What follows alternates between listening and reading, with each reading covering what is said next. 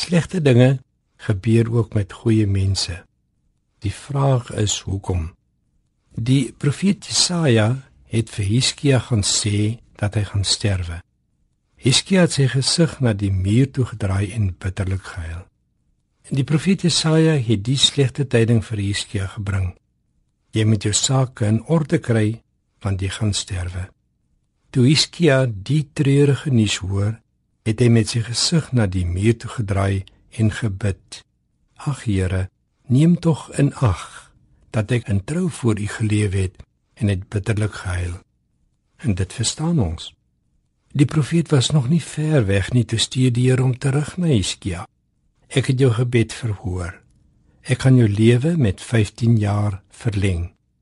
Jesaja het opdrag gegee dat hulle 'n vye koek op die sweer moet sit. En Hiskia het gesond geword. Die Here het hom gesond gemaak. Natuurlik was hy daaroor verheug. In die tyd het die koning van Babel briewe en geskenke na Hiskia toe gestuur. Die Babiloniërs was heidene.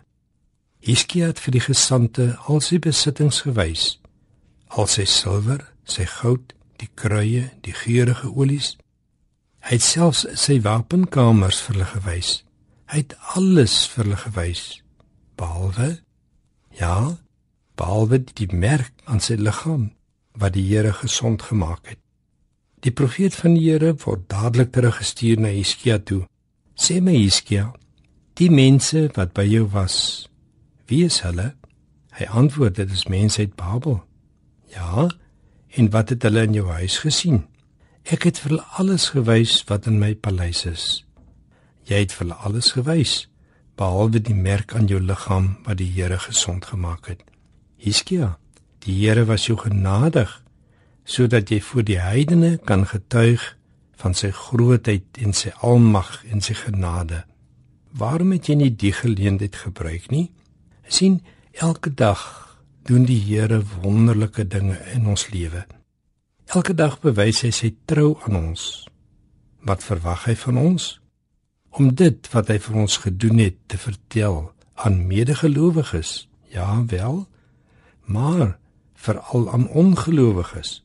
Hulle moet tot geloof kom deur ons getuienis van sy grootheid. Moet geen geleentheid laat verbygaan nie. Kom ons bid.